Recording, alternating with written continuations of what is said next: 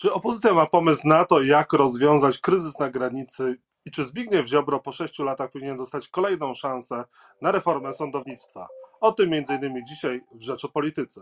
Jacek Nizinkiewicz, zapraszam. Jak rozwiązać kryzys na granicy i czy Zbigniew Ziobro... A Państwa moim gościem jest Leszek Miller, europoseł, były premier Polski. Dzień dobry Panie Premierze. Dzień dobry Panu, dzień dobry Państwu. Panie premierze, zanim porozmawiamy o polityce, zmarł dziennikarz Kamil Durczok. Niejednokrotnie pan miał kontakt z Kamilem Durczokiem. Jak pan wspomina Kamila, jak pan będzie pamiętał tego znanego dziennikarza?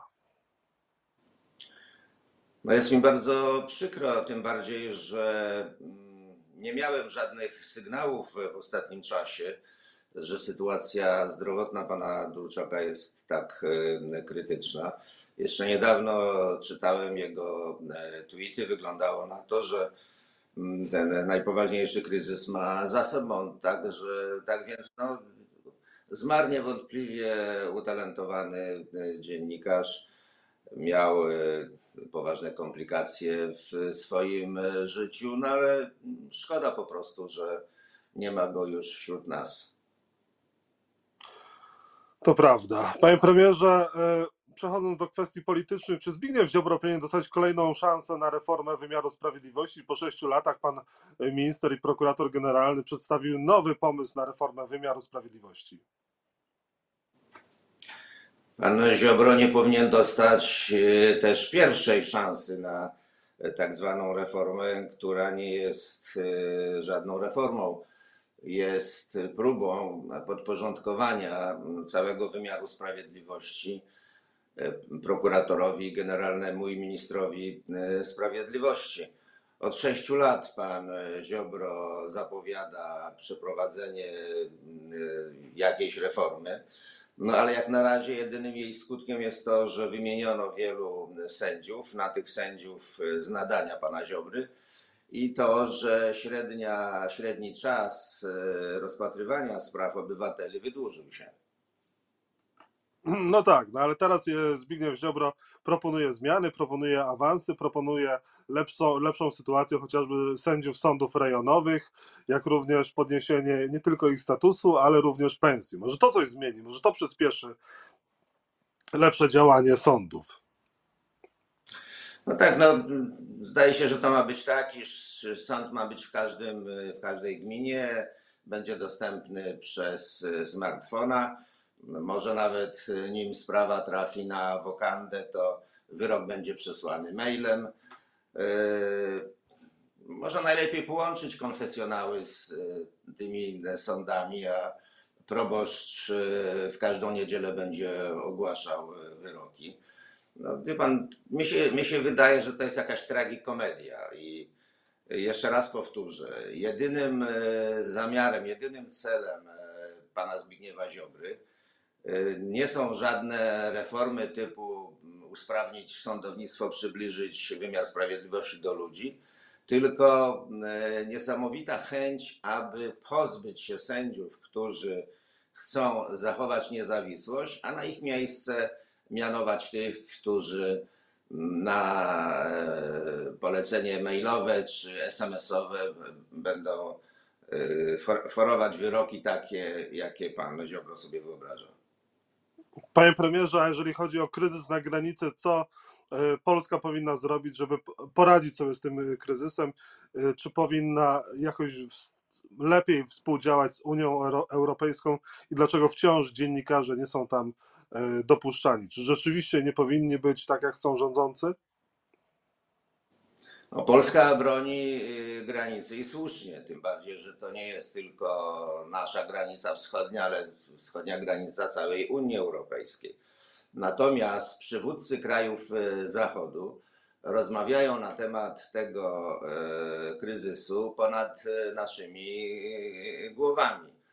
E, więc e, to jest sytuacja bardzo przykra, dlatego że my bronimy, my jako Polska bronimy e, granic, ale nie uczestniczymy w operacjach dyplomatycznych, bo tym zajmuje się Waszyngton, Berlin, Paryż, Mińsk czy Moskwa. To pokazuje, mm, jak, jakie miejsce Polska zajmuje w przestrzeni międzynarodowej i gdzie my tak naprawdę się e, znajdujemy. No ale jak rozumiem, to jest na życzenie pana Kaczyńskiego, który przecież niedawno opowiadał o tym, że mamy wrogów na wschodzie, na zachodzie, wroga wewnętrznego. Stany Zjednoczone też już nie są naszymi przyjaciółmi. No więc y, to, co jest, jest na, na życzenie kierownictwa polskiego państwa. No ale Jarosław Kaczyński mówi, że e, to nie są mi, o migrantach, to nie są uchodźcy, żeby było jasne, nie są też biedakami, bo żeby przylecieć na Białoruś, to trzeba mieć pieniądze, które w tamtych warunkach są duże. Proszę w pana, takim ale razie ja jest puka do naszych jeszcze- bram? Ja mówię jeszcze raz, że ja uważam, że Polska powinna bronić granicy.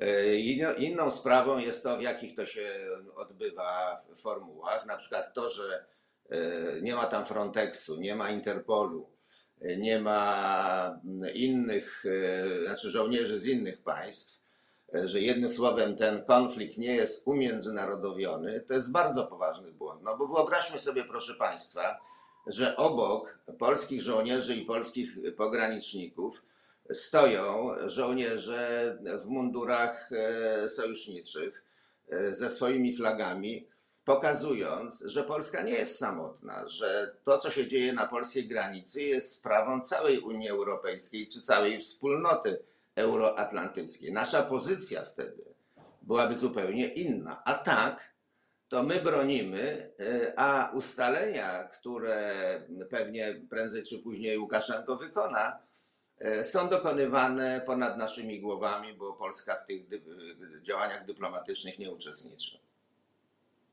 Panie premierze, najnowszy sondaż pokazuje, że połączone siły opozycji pokonują Prawo i Sprawiedliwość. Czy przed wyborami, czy na wybory powinny być wspólne listy wyborcze opozycji? Jak to powinno wyglądać?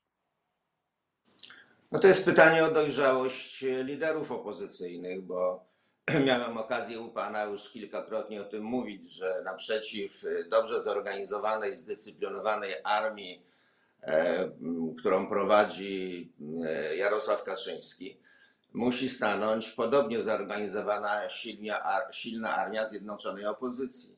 No ale w tej sprawie mm, są różne opinie i od czasu do czasu słychać poszczególnych liderów, którzy, jak to się mówi, strzelają focha, dąsają się, opowiadają niestworzone rzeczy.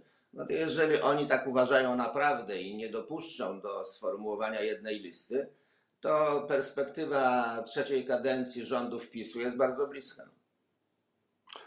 I na koniec, panie premierze, doszło do 11 listopada do incydentu antysemickiego w Kaliszu. E, Antysemici przeszli e, przez miasto. Podobny marsz ma być teraz w Krakowie. Dlaczego antysemici na tyle sobie mogą pozwolić w Polsce?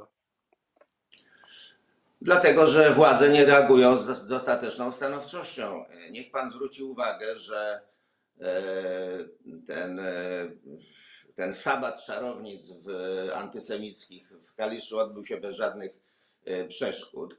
E, Zarówno miejscowa policja, prokuratura, jak i prezydent miasta nie reagowali. Dopiero reagowali później, ale nie reagowali dlaczego? Bo patrzyli się w górę i się zastanawiali, e, czego od nich tak zwana góra e, oczekuje. E, Prezydent i e, minister spraw wewnętrznych zareagowali, ale po dużej zwłoce. Więc jeżeli te środowiska antysemickie uważają, że mają przyzwolenie, no to robią to, co robią. I to jest to, to co widzieliśmy w Kaliszu, to są najgorsze stereotypy o Polakach, które teraz będą powielane na całym e, świecie. I e, takie, taka teza, że Polacy wysysają antysemityzm z mlekiem matki, no będzie utrwalana. Więc ci wszyscy, którzy to robią, e, działają ewidentnie na szkodę państwa polskiego i powinni być surowo karani. I to natychmiast. Leszek Miller, były premier, był państwo moim gościem. Bardzo dziękuję za rozmowę, panie premierze. Dziękuję bardzo. Do widzenia panu.